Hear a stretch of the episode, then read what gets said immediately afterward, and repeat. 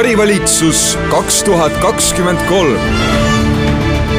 tere tulemast kuulama Varivalitsuse erisaadet, mina olen Krister Paris Eesti Päevalehest ja täna on meil kõne all haridusteemad, sest stuudios on siis hariduse ja teaduse variministrid. Kristina Kallas Eesti kahesajast ja Tanel Kiik Keskerakonnast, tere tulemast! tere! tervist! Niimoodi, nagu ikka, kõigepealt me tahaksime vaadata otsa sellele, mida valitsus otsustas ja millest räägiti praegusel valitsuse päris pressikonverentsil, aga, aga ma arvan, et seekord jätame selle suuremas osas siiski vahele, sest seal loetleti põhiliselt ette, et kes on saanud erinevaid preemiaid ja ja kui teil just ei teki mingit ärritust, siis ma usun, et kõik olid selle kenasti ka, ära teeninud. Aga rääkides ärritusest, et mul on üks teema ikkagi, mis kerkis ka selle valitsuse pressikonverentsil üles, et oli kahe eelnõu sidumine sidumine usaldusküsimusega. ja jättes kõrvale eelnõude sisud, siis vähemalt üks nendest oli konkreetselt jäätmeseaduse, pakendiseaduse ja tubakaseaduse muutmise seaduse eelnõu. eks see oli tingitud ühest Euroopa Liidu direktiivist, mis on Eestil jäänud siiani üle võtmata ja et lõpuks saaks üle võetud, seoti see usaldusküsimusega. et ma ei tea, ma ütlen enda seisukoha välja, minu meelest on see usaldusküsimuse kuritarvitamine, see on mõeldud väga oluliste asjade rakendamiseks, mitte selleks, et varjata enda senist haldussuutmatust, et missugune on, on teie mulje sellest? ei no ega ta ei ole hea, hea tava järgimine, see on nagu selge, et äh, ma saan aru, et äh, tähtaeg kukub, äh, trahv ähvardab ja siis selle tõttu on vaja nüüd viimases, viimasel hetkel nagu kiirustada, aga see, et ei ole suudetud aastaid tegelikult seda direktiivi ülevõtmist haldussuutlikkuse mõttes korraldada, noh see lihtsalt on kurb et äh, tegelikult ma tahtsin seda tänast valitsuse istungi päevakorda ja pressikonverentsi ühe sõnaga ikkagi või ühe lausega kommenteerida, kui tohib, et äh, minu arust on nagu väga selgelt näha juba mõnda aega, ma ütleksin, et äh, ministrid ilmselt teevad valimiskampaaniat, äh, sellepärast et äh, noh, mitte midagi seal päevakorras ei olnud äh,, mille kohta võiks üldse midagi arvata või mis üldse Eesti elu edendab, et väga palju preemiate andmist äh,, väga palju äh, kodakondsuse andmist ja mitteandmist ja, ja siis olid sellised äh, looduskaitsealade teatud määrustikud, mis on ka selline noh, peenhäälestamine teatud situatsioonides, ehk siis et ma näen, et kuu aega on juba pandud Eesti riik pausile, sisuliselt ikkagi sisulisi otsuseid enam vastu ei võeta. nojah, sellest, kirjutas ka näiteks meie Reimo Poom tänases Päevalehes, et, et, et ka Riigikogu võiks minna pausile, et võib-olla oleks isegi vähem kahju või vähemalt ausam. natuke, natukene just nimelt ausam. aga just nimelt ka äh, Tanel Kiige käest küsiks, et kuidas sellist nagu tava hinnata, et noh, jätame kõrvale nende mõlema eelnõu sisud, et minu meelest on ikkagi äh, järjest rohkem juurdunud erinevate valitsustega äh, seda, et kui on mingisugune ebamugav koht, kus on oodata opositsiooni torpedeerimist, deklareerimist, antud juhul põhjendati ka selle eelmise, esimese eelnõu poolset äh, ohtu, et tuleb sealt äh, EKRE-t liiga palju äh, selliseid blok-, blokeerivaid küsimusi, no siis sidume, seome usaldushääletusega ja tegelikult parlament jääbki arutelust kõrvale jaa, noh, alustuseks tuleb nentida, et Kristina mure või, või kartus, et, et valitsus tegeleb valimistega, ei ole mitte pelgalt spekulatsioon, vaid noh, see on päris elu, eks ole, ehk et vaadates ka tõesti neid viimase uudiseid, seda tihtipeale pingpongi, mis käib valitsuse liikmete vahel, kus tundub, et valitsusel on vähemalt sama palju seisukohti, kui on osapooli, kui mitte rohkem, ja ka täna pressikonverentsile mahutab ennast neli ministrit, et rääkida olulistest teemadest olukorras, kus tavapäraselt saadakse hakkama vähemaga et paratamatult äh, valimiste hõngu on siin pehmelt öeldes tunda. Äh, mis puudutab neid usaldushääletusi, siis noh, iseenesest ega see, et teatud juhtudel seda tehakse, pole otseselt halb, ehk teatud kriisiolukordades, teatud tõesti sellistes, äh, kus näiteks on parlamendis mindud võib-olla sellise laus, noh, ütleme, blokeerimise teed, ma ei tea, kümneid tuhandeid muudatusettepanekuid tehtud, kus on selge, et ei ole võimalik muul viisil liikuda, on ta põhjendatud, aga praegustel juhtudel paratamatult jääb selline mulje, et on mingid teemad, millega piisavalt seni tegeldud, debatti pole väga peetud, sealhulgas ka ühiskonnas pole tegelikult peetud mitte ainult parlamendisaalis, ja nüüd on mugav niimoodi enne valimisi püüda siis need sahtlid ära koristada, et saab kähku ühed ja teised eelnõud läbi hääletatud, nii-öelda läbi rammitud ja, ja justkui, justkui laua puhtaks saab öelda, et tehtud, aga, aga tegelikkuses ei tea võib-olla parlamendiliikmed lõpuks, mille üle nad täpselt hääletavad ja ei ole ka tegelikult ühiskonna selgust, et mis otsused nüüd vahetult enne valimisi tegelikult veel meie kõigi tulevikku puudutavalt vastu võetakse ma tahtsin kommenteerida seda obstruktsiooni äh, kasutamist ja mitte ainult seda, sellepärast et me viimase nelja aasta jooksul oleme Riigikogus näinud seda, kuidas äh, kasutatakse nii-öelda an-, Riigikogu liikmetele antud töövahendeid mitte eesmärgipäraselt, eks ole. ja noh, Riigikogu ikkagi ei ole oma tuba ära koristanud. et see, et obstruktsiooni kasutatakse mitte sihipäraselt ja reaktsioonina sellele vastu, siis valitsus seob seaduseelnõud usaldushääletusega ja lükkab Riigikogu täiesti kõrvale, on ikkagi Riigikogu enda tegemata töö. ehk siis, et on vaja väga selgelt tuba ära koristada, obstruktsiooni puhul selged reeglid paika panna, et muudatusettepanekuid saab esitada ainult seadust puudutava teema osas, eks ole, et me ei saa esitada muudatusettepanekuid, mis ei sisalda absoluutselt mitte mingit kontakti sellega, mis on arutelu all, äh, täpselt sama muuseas puudutab presidendivalimisi, ma tuletan kõigile valijatele meelde, et äh, kui presidendivalimised olid poolteist aastat tagasi, siis käis jube arutelu selle üle, äh, kuidas muuta presidendivalimiste pro-, protseduuri selleks, et järgmine kord ei oleks seda trianglit ja jumal teab mis protsesse Riigikogus, mis kõik pidurdavad seda asja, mitte ühtegi sammu pole astutud mm. selles suunas, et presidendivalimiste seadust muuta, et äh, noh, millegipärast Riigikogu iseenda töö efektiivsuse muutmisega väga tegeleda ei taha ja ma nüüd täiendaksin siin korra seda, et ei ole seda lubadus välja antud mitte kaks tuhat kakskümmend üks presidendivalimiste järgselt, vaid ikka kaks tuhat kuusteist juba. kui toona no, teie tekkis, tahate otsevalimisi, see on natuke teine teema. ei, ei, ma räägin seda, kaks tuhat kuusteist, kui tekkis moment, kus äh, valimiskogu ei suutnud korduvalt ära valida, kuna seal oli see nii-öelda äh, mitteosalejate äh, või rikutud sedelite küsimus ja siis öeldi juba tegelikult tuleks need ära likvideerida, et no, valimiskogus tõdeseks, see oli kaks tuhat kuusteist aasta tegelikult ja vahepeal on kuus aastat mööda läinud, seitse aastat mööda läinud, tegelikult pole nende otsusteni jõutud, nüüd taas see puhkes korra see debatt, kui viis aastat möödas, ehk viimane kord presidenti valiti, kes on iseenesest väga väärikas, ma arvan, riigipea, siis kogu see protsess oli taas tegelikult lombakas. nii et meie seisukoht tõesti on, ütlesid õigesti, presidendi otsevalimised, väga selge, väga konkreetne süsteem, rakendatakse enamikes Euroopa riikides, Euroopa Liidu riikides, ka tihtipeale seal, kus on parlamentaarne demokraatia, nii et see lahendaks selle küsimuse kohe ära jälle nõus. ei, ma ei, ärme hakka presidendivalimistest äh, vaidlema, jah. aga see kõik jah, meenutab sellist nii-öelda valimislubaduste taaskäitlemist, ehk siis väga ka keskkonnasäästlik lähenemine, et iga, igal valimisel sama sama teema, natukene siis ka pisut sarnane eh, erakondade rahastamise läbipaistvamaks muutmisega, mis Täpselt. oli selge lubadus ju ka selle koosseisu eel. aga läheme nüüd ikkagi teie valdkondade juurde, et te, te ka kirjutasite nii-öelda noh, ütleme siis jutumärkides pro-, eh, oma programmilised artiklid meile ka Päevalehte, kus muuhulgas te rõhutasite, et Eesti haridus on hea. ja kui ma lugesin just hiljuti Eesti presidentide neid vabariigi aastapäeva kõnesid, siis ka kümme aastat tagasi ja viisteist aastat tagasi, ikka oli sama, sama teema, et, et haridus vajab nagu rohkem panustamist ja puha, ja haridus on hea. umbes sama natukene teema mõjub nagu, et politsei on tohutult, tohutult alarahastatud, aga noh, tegelikult kuritegevusega on pigem parem kui, kunagi varem. et äh, äkki me nagu lahendame probleemi, mis tegelikult ei ole probleemi, miks ta praegu üldse nii kriitiline on? Äh, ta on kogu aeg kriitiline olnud äh, ja erakondadel on äh, hariduse osas ju konsensus, siin ei ole mitte üle, millegi üle tegelikult vaielda, ja siis, kui mitte millegi üle vaielda ei ole, siis need teemad kipuvad valitsuse laua pealt kogu aeg maha kukkuma, noh sellepärast, et mitte keegi ju nende eest otseselt ei võitle, sest kõik on ju millegipärast nõus. aga mulle tundub, et äh, ei ole ikkagi päris lõpuni ka kõikide erakondade puhul see, seda arusaama, miks seda head haridust meil vaja on. Et äh, head haridust äh, on vaja, kui me räägime targa majanduse, heaolu kasvu, majanduse konkurentsivõimest, kõigest sellest, mida me tahame selleks, et pürgida kuskil Soome ja Rootsi suunas, siis see ainuke viis sinna pürgida on Eesti inimeste haridustaseme tõstmine, see on ainuke viis, meil ei ole ühtegi teist meetodit äh, selleks, et Põhjamaade heaolu tasemele jõuda. ja selle tõttu iga kord, kui koalitsiooniläbirääkimised algavad, siis, siis minu soov isiklikult ja Eesti kahesaja soov oleks ikkagi see, et me saaksime aru, mis fundamentaalselt meie heaolu tõstab ja lepiks kõigepealt seal asjad kokku ja siis läheks arutama, kas meil on vaja neljarealisi maanteid, kas meil on vaja tasuta maakondlikku ühistransporti, sest need asjad, mida ma praegu nüüd kaks viimast, need ei muuda meid Põhjamaade moodi äh, kõrge heaolutasemega riigiks. et neid me saame tegelikult endale lubada sel hetkel, kui me sinna kõrgesse heaolutasemesse oleme jõudnud. no ikkagi me oleme ju PISA testides maailma tasemel väga kõrgel. jaa, no ütleme nii, et äh, kui räägime haridusest, tervishoiust, sotsiaalvaldkonnast, ka kultuurist, riigikaitsest, äh, reeglina keegi ütleb, et sinna tuleb raha juurde panna, no väga raske leida erakonda, kes ütleb, et ta ei ole sellega nõus. aga teine pool loomulikult on see, et kust raha võetakse ja, ja mis seal salata, on ka küsimus selles, et, et mis selle raha eest saab. ehk praegu, kui me räägime haridusvaldkonnast, siis tõepoolest nüüd lõpuks on ka kõrgharidusse lisaraha tulnud, mida ma võin öelda, et ei olnud mitte valitsuse suuremeelsusest tulenevalt, vaid ikkagi rektorite nõukogu aktiivsest tööst ja heas mõttes kõrghariduse noh, murekohad olid läinud nii tõsiseks, et, et ülikoolid panid valitsuse sisult fakti ette, et tuleb see rahastus leida ja lõpuks seda ka tehti. aga tegelikkuses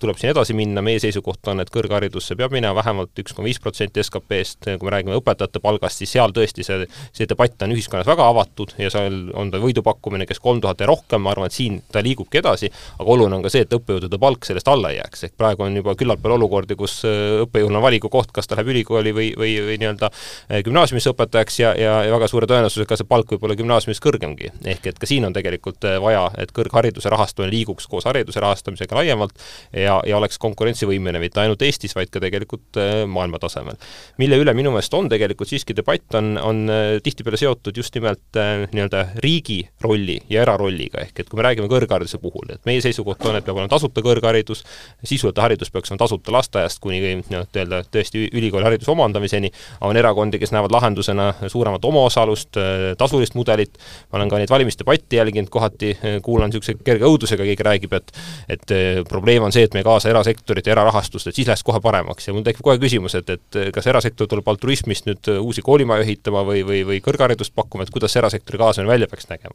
kui räägime teadus-arendustegevusest, innovatsioonitoetus on üks asi, erinevate võib-olla kõrghariduse ja sellise rakenduslikuma poole arendamisest, aga kui me räägime tavalisest noh, sellisest nii-öelda kaheteist klassi hariduse pakkumisest, et siin nüüd erasektori raha oleks kuidagimoodi lahendus, seda kindlasti mitte, siin tuleb riigil endal need ressursid leida, tuleb ka kohalikke omavalitsusi toetada nii huvikoolihariduse, lastehariduse, õpetajate mm, töötasu tagamisel ja tegelikult anda selge perspektiivi, et eh, kui palju me tegelikult eh, pikas plaanis eh, õpetajaid välja koolitame, kui palju me suudame tegelikult pakkuda neile sellist kaasaegset töökeskkonda erinevate nii infrastruktuuri kui ka tegelikult digilahenduste suhtes, et Covid pani väga palju sellist võib-olla mugavustsoonist välja tulema, aga laias laastus võib öelda, et selline õppeprotsess on tihtipeale ju noh, võrdlemisi sarnane, nagu ta oli eelmisel sajandil. no aga võtamegi sellesama konkreetse debati praegu ette ehk siis just nimelt, et eh, kuivõrd peaks maksma riik kõik, eh, kõik eh, kinni ja kuivõrd ikkagi ka kaasata nii inimese enda raha, just nimelt miks mitte ka näiteks siis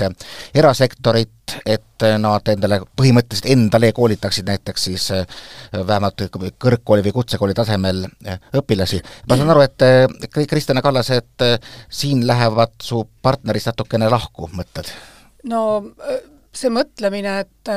et erasektor millegipärast nagu segab hariduse kvaliteedis, on ikkagi, ma arvan, väga väär, et meil tegelikult ei Keegi ole ühtegi riiki, no keegi ei ole kusjuures öelnud, et üldharidusse peaks erasektori raha tooma, ma ei ole veel ühtegi, üheski debatis mitte ühtegi erakonda näinud, kes ütleks, et põhikoolihariduse andmises peab era, erasektorit kaasama. vaidlus on ju, vaidlus on kahes kohas, vaidlus on lasteaias ehk siis alushariduses ja kõrghariduses. ja tegelikult ka kutsehariduses. ja, ja mina, mina küll ei ole seda meelt, et kuna täna on alushariduses eraraha ja eraraha all me ei pea silmas erasektori raha, vaid inimeste enda raha, inimeste enda panust, Äh, on ikkagi Eestis täna olemas ja see on enamuse inimestele jõukohane, on, on küll kohti, kus on võib-olla kallis, Tallinnas ja Tartus on lasteaia kohatasu võib-olla liiga kallis, aga üldiselt, kui me nüüd selle eraraha sealt välja tõmbame ja ütleme, et ka selle osa kompenseerib riik, siis mina kardan sellist asja, sellepärast et see viib väga selliste negatiivsete tagajärgedeni, mida me kõrghariduses näinud oleme, pluss tasuta lasteaed tähendab äh, lasteaiakoha defitsiiti, uskuge mind. see tähendab seda, et inimesed hakkavad oma lapsi panema lasteaedadesse järjekorda, eks ole, nimekirjadesse, kohale nad ei ilmu, koht on ära võetud, äh, teised lapsed ootavad järjekorras, laht-, lasteaiakohtade puudus tekib kohe momentaalselt, kui lasteaiakoht, lasteaed läheb tasuta. ja muuseas, ma toon teile ühe näite, Narva-Jõesuus omavalitsus on lasteaed tasuta ikkagi viiakse lapsi Narva või kuskile mujale, sellepärast et lapsevanem tegelikult tahab äh, teenust ja kvaliteeti. see kolmkümmend eurot lasteaiatasu, mida Narva linn küsib, ei ole lapsevanemale üle jõu käiv, aga selle tulemusena saab tegelikult äh, palju paremat lasteaeda pakkuda, sest la-, raha on rohkem, õpetajatele saab palka rohkem maksta. nüüd kõrgharidusega on selline lugu, et olgem nüüd ausad, meil ei ole mitte tasuta kõrgharidus, vaid meil on keeld eestikeelse kõrghariduse eest raha küsida sellepärast, et äh, inglise keeles on võimalik tasu võtta, aga eesti keeles õpetamisel ei tohi tasu võtta, mille tõttu see eesti keeles õpetamine jääb vaeslapse rolli, paratamatult jääb vaeslapse rolli ja turul, ehk siis täna Eesti ühiskonnas on väga palju täiskasvanud õppijaid, kes tahaksid õppida mitte nominaalajaga, omas tempos, saada lisa nii-öelda kraad, aga on nõus ka selle eest maksma ja täna neil võimalik tegelikult kõrghariduse turule selles mõttes siseneda ei ole, sest seadus keelab ülikoolidel selliste õppuritele õppevõimaluste pakkumise. nii et noh, ma pean seda rumalaks, sellepärast et ülikoolidel jääb ressurss saamata, täiskasvanud inimesel jääb haridus saamata, mida ta võiks saada ja noh, ma ei tea, kes see siin täpselt see võitja pool on sellises olukorras, mitte keegi ei võida sellest olukorrast. mida, mida Kristina kirjeldas, on tüüpiline selline noh, käsumajanduslik äh, plaani, plaaniriik või, või siis plaanimajanduslik käs-, käsuriik, et aga ma nägin, kui jutt läks tasuta äh, lasteaiakohtadele, siis Tanelil oli näpp püsti. jaa, et äh, minu meelest see eeldus on vale, et kui me loome tänase süsteemi asemele näiteks tõesti olukorra, kus tasu, lasteaiakoht on tasuta, et, et me peame üle kandma üks-ühele tänase mudeli, ehk et loomulikult sellel juhul peavad olema mingisugused konkreetsed noh, mehhanismid, et kui inimene näiteks paneb lapse laste järjekorda, tegelikult sinna ei ilmu, siis mingi hetk see koht nii-öelda tal kaob ja sellisel juhul nii-öelda taasühinemine ühinemine ei saa toimuda nii, et järgmine kuu mõtlen ümber. ehk loomulikult see on mõeldud ikka neile inimestele, kes päriselt seda kohta vajavad, kelle laps päriselt seal lasteaias käib, ja see, et täna on mingi kogus inimesi, kelle lapsed on võib-olla kodus või vanavanemate hoida seetõttu, et lasteaiakoht käib üle jõu, see on ka päris reaalsus. ei, Tanel, see ei ole reaalsus, palun no, no. too mulle statistiline näide, kui palju on täna Eestis neid lapsi, kes ei käi lasteaias sellepärast, et vanem ei jaksa lasteaia kohatasu maksta. No. ma päriselt tahan näha seda statistikat, sellega õudselt opereeritakse, aga see on puhas vale. selliseid lapsi pole olemas. ei no see jah, okei okay,, pole olemas, see on pole muidugi olemas selge, me praegu siin stuudios sellega nõus ei ole, see on omavalitsuseti väga erinev tegelikult, kuidas kompenseeritakse lasteaia kohatasu saamist, eks ole, on ta mitme lapse, mitme lapse puhul tasuta, millised on sotsiaaltoetuste määrad, alati saab taotleda lasteaia kohatasu vabastust, alati, alati ka see saadakse. alati saab, kogu austuses nii ta ei ole, ma olen töötanud kolm aastat Sotsiaalministeeriumis, ma ka tean neid valdkondi. jätame praegu, kuna meil ei ole võtta ka kuskilt statistikat ka siia stuudiosse, siis äh, me viskame õhku erinevad äh, spekulatsioonid ja siis vaatame, katsume nendele leida ka pärast, pärast saadet mingisuguse lahenduse aga kui juba jutt läks eestikeelse hariduse peale, siis noh, teie artiklile kirjutas vastu ka pärisminister Tõnis Lukas, kelle põhisõnum oli see, et te mõlemad te alahindate ikkagi, kui tähtis on minna üle eestikeelsele haridusele. kui, kui palju te seda alahindate võrreldes Lukasega? No Lukas, Tõnis Lukas ütles, et, et kaksteist miljonit aastas on liiga vähe, et on vaja viiskümmend miljonit, okei okay,, no kui temal on tõenäoliselt täpsemad andmed, ta oskab nagu öelda, palju tegelikult iga-aastase eestikeelsele haridusele üleminek võtab äh, raha, ma olen lihtsalt temaga võrreldes vähem optimistlikum selle koha pealt, mis puudutab seda tempomahtu, mida on ette nähtud ja mille peale see viiskümmend miljonit läheb. Ma lihtsalt ei, mul on raske uskuda, et selle tempoga tegelikult see üleminek reaalselt on äh, võimalik teha, mitte et ma vaidlustan seda tempot, aga ma näen siin seda riski, et tegelikult seda tempot ei suudeta hoida, mis tähendab seda, et pigem läheb alla viiekümne miljoni aastas selle eestikeelse õppele ülemineku peale, sest seda kolme tuhandet eurot eh, lihtsalt ei ole neid õpetajaid, kes seda kolme tuhandet eurot tegelikult küsima tulevad. Ja, ja ja noh, meil ei ole selle koha pealt äh, vaidlust, vaidlus Isamaaga on eestikeelsele õppele üleminekul hoopis teise koha peal. ja see puudutab selle segregatsiooni lõpetamist, äh, mida Isamaa millegipärast äh, jäärapäiselt väidab, et segregatsiooni lõpetamine on Eestile halb, et Eesti kool sel juhul mattub venekeelsesse kultuuriruumi, noh, ma arvan, et see on täiesti ebakohane hirmutamine ja, ja tegelikult töötab vastu sellele, mis peaks ideaalis olema see eestikeelsele õppele ülemineku eesmärk jah, no alustame sellest võib-olla, mis minule ka rohkem eh, noh, muret teeb ja ausalt öeldes ka häirib kogu selles protsessis, on see, et, et valitsus nii selles valdkonnas, aga veel mitmes valdkonnas on vastu võtnud justkui mingid põhimõttelised otsused, on seesama üleminek eestikeelsele haridusele, noh, ka sotsiaalvaldkonnas nii-öelda hooldekodude reform, ja, ja teinud sellest väga kõlavad pealkirjad, eh, justkui endale õlale patsutanud, et on tehtud, aga tegelikult tehtud ei ole midagi. ehk eh, päriselt see kogu töö, ma vaatasin ka eile ERR-i debatis, ausalt isegi tunnistati, et see töö jääb nüüd järgmisele ministrile, järgmistele valitsustele ja, ja see on ka reaalsus. ehk, ehk praegu on jäetud veel ühiskonnale vale mulje, nagu oleks eh, suuremat sorti töövõit saavutatud ja, ja läbimurre, aga tegelikkuses on, on see lihtsalt valimiseelne selline hea eh, populistlik eh, hüüdlause, mida tuleb hakata alles sisustama. milles on võib-olla Keskerakonna murekoht, on seotud esiteks tõesti õpetajate nappusega, ehk et me teame, et tänagi räägitakse pidevalt sellest, kuidas keskmine vanus kasvab, kuidas maakoolides jagub õpetajaid, kuidas, kui me räägime ka näiteks nüüd noh, nii-öelda ideest, et millised saavad olema need õpetajate keelenõuded, et väga palju täna tegelikult pädevaid õpetajaid, kes neile ei vasta, neile nõuetele peavad jääma siis tööst kõrvale, leidma uue eriala või siirduma pensionile, siis tegelikult see ju seda probleemi veelgi eh, süvendab. ehk eh, meie oleme alati väga tugevalt selle poolt, et koolilõpetajad peavad oskama eh, võimalikult kõrgel tasemel eesti keelt, see, et inimestel on see valikuvõimalus siirduda eestikeelsele õppele, mida on ka väga paljud teinud, aga mitte päris nii, et me paneme ühe kuupäeva paika, homsest alates on nii, ja siis pärast valimisi vaatame, milline valitsus, milline minister suudab selle päriselt ka ellu viia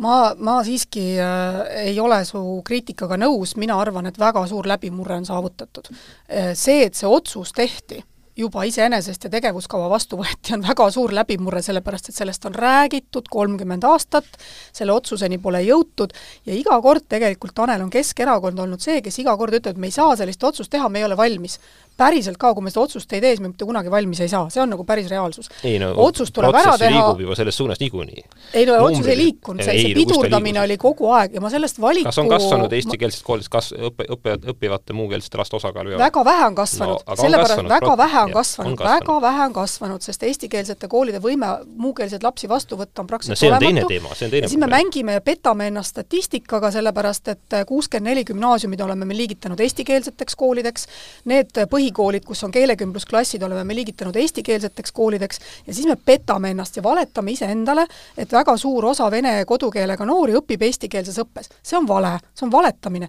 enamus praktiliselt üle kaheksakümne protsendi õpib omakeskis, see, et nad seal omakeskis eesti keeles õpivad, ei tähenda seda, et nad õpivad eestikeelses koolis Me.... nii et noh, see on, see on see reaalsus ja kogu aeg selle vale nii-öelda väljatoomine ja iseenda petmine jätab nagu inimestele mulje, et meil kogu aeg oleme kuhugi liikunud, me ei ole kuhugi liikunud vahepeal. et äh, me oleme kogu aeg ühe peal tatsunud. siis sellisel juhul me ju jätkame endale valetamist sinu loogika järgi. ehk et kui see lause oli, ma tsiteerin sisuliselt, et äh, õpi-, et venekeelsed lapsed õpivad omakeskis eestikeelses eesti keeles, ei tähenda seda, et õpid eestikeelses koolis, noh, sisult on seesama asi, mida praegu teha aga tahetakse. mina sellepärast ka Isamaad kritiseerin. ja, ja teie, teie programm on teine, Eesti kahe programm on teine, eks ole. aga sisult sa ütled, et suur läbimurre saavutatud, aga tegelikult siis me jätkame ju samal lainel. no teie mõlema artiklites käis läbi üks, üks arv, ehk kolm tuhat eurot õpetaja palk, ühele võib-olla parimatele, teisele keskmine, aga see on nagu pisiasi. aga kas see, kas see nagu lahendaks selle sama probleemi, et märkimisväärne osa, minu meelest vist, kui ma ei eksi, oli pooled Eesti Eestis äh, õppinud venekeelsetest õpilastest ei oska elementaarsel tasandil kooli lõpetades eesti keelt jah, just, ei oska. ja see kas, kas, kas see, kas see lahendaks, kui me anname, anname suurema raha, kust, kust need õpetajad tulevad neile? No tulevad loodetavasti äh, eesti keelt hästi oskavad õpetajad tulevad selle kolme tuhande euro eest ikkagi sinna kooli tööle ja, ja see eesti keele oskuse tase nagu paraneb. Aga jällegi noh, see on pool sellest võrrandist, teine pool võrrandist on see, et seda eesti keele kasutuskeskkonda on nendele noortele vaja ja seda ei tekita sa siis, kui sa jätad nad eraldi venekeelsetesse gruppidesse õppima, noh see on nagu see fakt, seda ei teki sinna lihtsalt juurde. no ütleme, palgatõusu puhul ma arvan, kõik saame aru, et, et oluline on kaks asja siin, et üks on tõesti see ootus ja lootus, et tuleb juurde õpetajaid, on ta siis varem hariduse omandanud, täna mujal valdkonnas töötavad inimesed või ka noored, ja teine asi, millest, mille tuleb ka tähelepanu juhtida, on ka see, et, et täna tänased õpetajad nii-öelda heas mõttes vastu peaksid, ehk et üks asi on nendele väärika palga pakkumine ja teine asi on loomulikult selle töökeskkonna kohandamine, on see bürokraatia vähendamine, tugispetsialistide pakkumine, ka tegelikult teatud mõttes sellise, võib öelda, perspektiivi ja selguse pakkumine, mida praegu tihtipeale ei ole, ehk et kui me räägime ka koolisüsteemist, inimene peab teadma, kas tema kool on alles viie või kümne, viieteist aasta pärast, mitte nii, et iga parlamendidebatt ta peab vaatama, kuhu poole siis see kaalukauss äh, parasjagu kaldub. ehk palk on oluline mitte ainult uute õpetajate saamiseks, vaid ka olemasolevatele haridustöötajatele noh, heas mõttes kindlustunde pakkumiseks, et ka nemad ei hakkaks vaatama endale muid erialasid niimoodi, hakkame vaikselt tõmbama otsi kokku, vaatame veel otsa paarile sellisele konkreetsemale küsimusele. üks nüüd, puudutab riigikaitseõpetust. Te olete mõlemad, olite ka meil eile artiklites nagu pooldaval seisukohal, et riigikaitseõpetus peaks olema kohustuslik, mis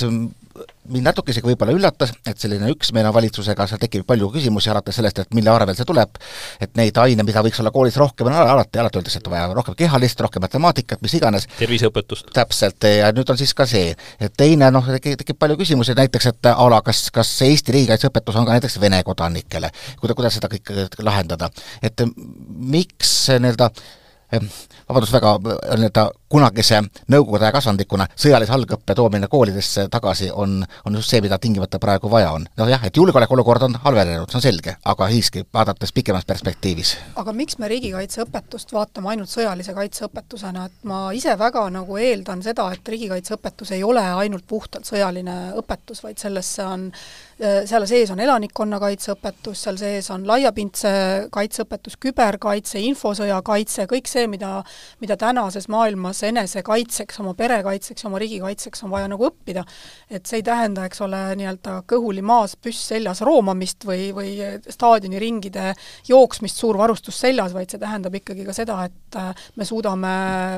küberkaitses näiteks hakkama saada, kuidas me ise suudame ennast kaitsta küberkaitses, kuidas me suudame ennast infosõjas äh, kaitsta. ja see peaks olema väga tihedalt põimitud läbi ühiskonnaõpetuse tundidega ja ühiskonnaõpetuse ainekavaga, nii et äh, ma olen täiesti nõus sellega, et veel ühe aine juurdetoomine muidugi suurendab äh, koormust, aga aga ma arvan, antud kontekstis on see asjakohane, peaasi, et see ei keskenduks ainult sõjalisele kaitsele jaa, no tegelikult Keskerakond oma valimisplatvormis tõi selle ettepaneku välja juba enne, kui kaitseminister selle nii-öelda avalikkuse ette tõi, ehk et me kinnitasime oma platvormi neljateistkümnendal jaanuaril, kus see konkreetne ettepanek on sees, et riigikaitseõpetus võiks olla äh, kohustuslik osa nii-öelda õppekavast. Ja loomulikult see eeldab äh, mõjuanalüüsi, see eeldab teatud üleminekuaega, ehk et ei ole võimalik öelda, et piltlikult homsest alates kõik peavad pakkuma, küsimus on, kust tulevad õpetajad, õppevahendid, kuidas see ülejäänud õppeprogrammi äh, sobitub, aga printsiibis nii tulenevalt julgeolekuolukorrast, aga võib öelda ka laiemalt tegelikult, tegelikult äh, sellisest just nimelt kriisivalmiduse, kriisivõimekuse tõstmise vajadusest äh, see tingitud on. ja nii, nagu äh, Kristjan kirjeldas, täpselt samuti kirjutasime enda arvamusartiklis, et me peame rääkima sellest laiemalt, elanikkonnakaitsest tervikuna, inimeste teadlikkusest mis tahes kriisiolukorras käitumise kontekstis, aga ka sellised elementaarsed teadmised ja arusaam, kas või näiteks sellest, et mida endast kujutavad relvad, lõhkeained, muu taoline, et, et inimesed oskavad äh, nendes situatsioonides ohutult, mõistlikult käituda, et, et inimestel tekib maast madalast heas mõttes ka selline noh, ma ei tea, aukartus selles, aga arusaam sellest, kui ohtlikud äh, võivad olla mis tahes kas või jahi, äh, jahirelvad, mida võib inimene kokku puutuda ka nii-öelda tavaelus, mitte ainult ähm, riigikaitse valdkonnas. ja kindlasti kohustuslik ja, ja nii-öelda pakutav peab ta olema kõigile, eh, sõltumata kodakondsusest, sest eh, kui me räägime kriisiolukordadest, kui me räägime ka tegelikult riigi, riigi kaitselistest olukordadest, siis need puudutavad igaühte, sõltumata sellest, kas sa oled eh, nii-öelda poiss või tüdruk, mees või naine, Eesti kodanik või mõne muu riigi kodanik, ehk see valmisolek, need teadmine ja ka selles mõttes isamaalise kasvatuse tõstmine on oluline kõigis nendes no. sihtrühmades, nii et seda kindlasti meie toetame ja väga loodan, et mis tahes valitsus nüüd pärast valimisi ametisse tuleb, ka sisulised ettepanekud, sisulise ettevalmistuse selle rakenduseks teeb. Vene kodanike arv õpilaste hulgas on väga väike. me räägime ikkagi jah. väga väikesest ma isegi ei räägi Vene, ma räägin laiemalt, mis tahes kodanik on no, on ta, on ta Ukraina kodanik, on ta agressorriigi kodanikest, siis nende hulk õpilaste laste seas on väga väike, väga väike no õnneks jah, on järk-järgult noh, siin sündivad inimesed saavad, eks ole, Eesti kodakondsuse, teatud väga väike hulk saab endiselt veel nii-öelda nullkodakondsust äh, kahjuks, see on üks riigi häbi. õnneks enam ei saa, viimased viis aastat ei ole saanud. väga hea.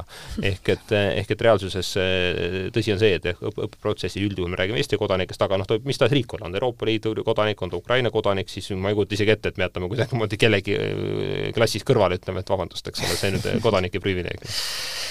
niimoodi, teeme nüüd hästi kiire veel kursimuutuse, kuna teie statuudi hulka varivalitsuses põhimõtteliselt kuulub ka kultuur, kult-, ehk siis ka kehakultuur, ka tänase valitsuse pressikonverentsiga räägiti äh, olümpiamängudest, selle võimalikust boikottimisest, kui äh, tulevad äh, olümpiamängudele ka Venemaa ja Valgevene sportlased, teie seisukoht, toetate ideed? No minu seisukoht on see, et äh, olümpiale ei peaks tulema agressorriikide mm, äh, sportlased, seda peab Eesti riik taotlema kõigil tasapindadel, nii spordivaldkonnas, riigijuhtide valdkonnas, diplomaatias ja seda oleme ka teinud, see idee ja arutelu, kas siis peaks Eesti nii-öelda noh, boikoteerima minema, see on juba teine debatt, ma väga loodan, et sinna debatti me ei peagi minema, ehk et seda olukorda ei teki, aga siis juba peab tõesti seda otsustama, ma arvan, Eesti Olümpiakomitee sportlased ehk jätta pelgalt nii-öelda Eesti sportlasi kõrvale, oleks ju tegelikult mõnes mõttes nende suhtes ebaõiglane olukorras, kus olümpiamängud on ühe sportlase jaoks ikkagi noh, kas just elu tippsündmus, aga üks elu olulisemaid spordivõistluseid. no siin ma olen eriarvamusel, sellepärast et mina arvan, et sellist otsust sportlastele nii-öelda kohustusena panna ei ole tegelikult õige, see on poliitiline otsus, see on moraalne otsus, see on ühiskonna terviku otsus. Ja ma lihtsalt ei kujuta ette seda, kuidas Eesti sportlased siis venelastega võidu jooksevad või, või kõrgust hüppavad või kaugust hüppavad või sõuavad, et see tundub lihtsalt niivõrd ebamoraalne, et äh, ma arvan, et selleks, et me suudaksime ikkagi iseendale pärast peeglist otsa vaadata, oleks õiglane see, kui Eesti väga terv-, noh, väga teadlikult otsustab, et me sel juhul boikoteerime olümpiamänge, minu jaoks on see väga mustvalge otsus ja olümpiakomitee, täitevkomitees istuvad poliitikud. nii et tegelikult seda otsust ju teevad Eestis poliitikud mm. ja poliitikutel ei tasuks tegelikult sellest vastutusest praegu eemale kõndida ja see por-, sportlaste kaela ajada, sest elud ja Ukraina on palju olulisem kui see, kui see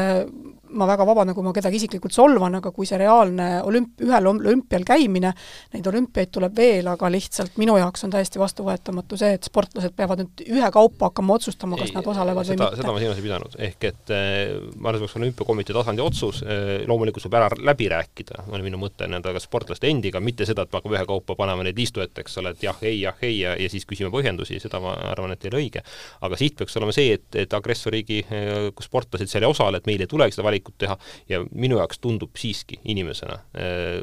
noh, pehmelt öeldes kurb selline olukord, kus näiteks äh, Venemaa, Valgevene sportlased osalevad seal ja Eesti ja võib-olla mõni üksik riik veel jääb kõrvale, ehk piltlikult öeldes kogu maailma spordi no selles mõttes, et sest, sest, sest, sest seal me saame näidata, jah, me, jah, me näitame oma, ei, me näitame sellega oma meelsust, aga, aga moraalse võidu teatud mõttes me anname sellega tegelikult agressorriikidele. ja seda ei tohi vastupidi, teha. vastupidi, moraalse võidu anname me agressorriikidele, kui me läheme nendega koos sinna sõudmisvõistlustele. vaata, eesmärk on see, et eesmärk on see, et nemad sinna läheks, aga meie läheksime. kaardi selleks, et tulge ja me teiega võistleme rohelise kaardi anname. sest meie jaoks on medal olulisem ei, kui Ukraina ei, ja laste ja sportlaste elud. Ukraina on kaotanud selles eesmärk sõjas mitmeid olümpiavõitjaid, nende elusid. olümpiast läks kõrvale agressorriigi sportlased, mitte Eesti Vabariigi sportlased niimoodi, te olete nagu päris, päris valitsus, päris paljudes kohtades ma näen, et jõud-, jõutaks eh, kindlasti kokkuleppele mingite osa, eelnõude osas, mõnedes kohtades ilmselt seda kokkulepet ka, ka kunagi ei sünniks. aga võtaks päris kokku niimoodi, et noh,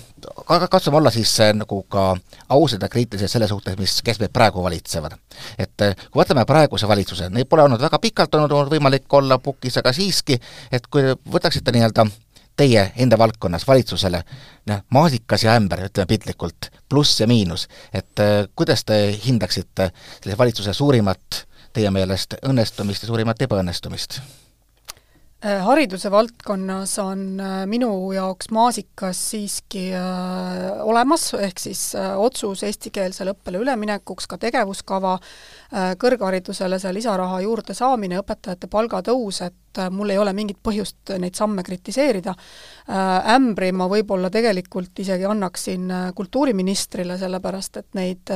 neid möödaastumisi, kuidagi ebaõnnestumisi on olnud palju, alates Ruuben Kaalepi nimetamisest Integratsiooni Sihtasutuse nõukogu liikmeks, lõpetades selle teatrite rahastuse mitte põhimõtte enda, vaid selle nii-öelda viimasel minutil asja kokkukeevitamisega, mis tekitas väga palju segadust, et et seal küll ei ole hetkel hästi läinud, nii et minu poolt siis ämber sinna jah, ma pean ütlema, et ma olen tegelikult sama meelt, kui me peame kultuurivaldkonna valima, hariduskultuurivaldkonda vaatama, siis tõesti sellist ei jätnud head muljet, ehk et on ta tegelikult seotud ka kõikvõimalike üritustega valimisringkondades, millega on silma paistnud just nimelt selle erakonna ministrid, kes üldjuhul teistele eh, kipuvad moraali lugema, ja, ja teisalt tõesti sama rahajaotus, kus eh, samamoodi neid valdkondi võib-olla, kes samasuguseid eh, pakke ootaksid enne, enne, enne valimisi ja ka pärast valimisi, on tegelikult märksa rohkem. Mis puudutab positiivseid asju, ma arvan, et seesama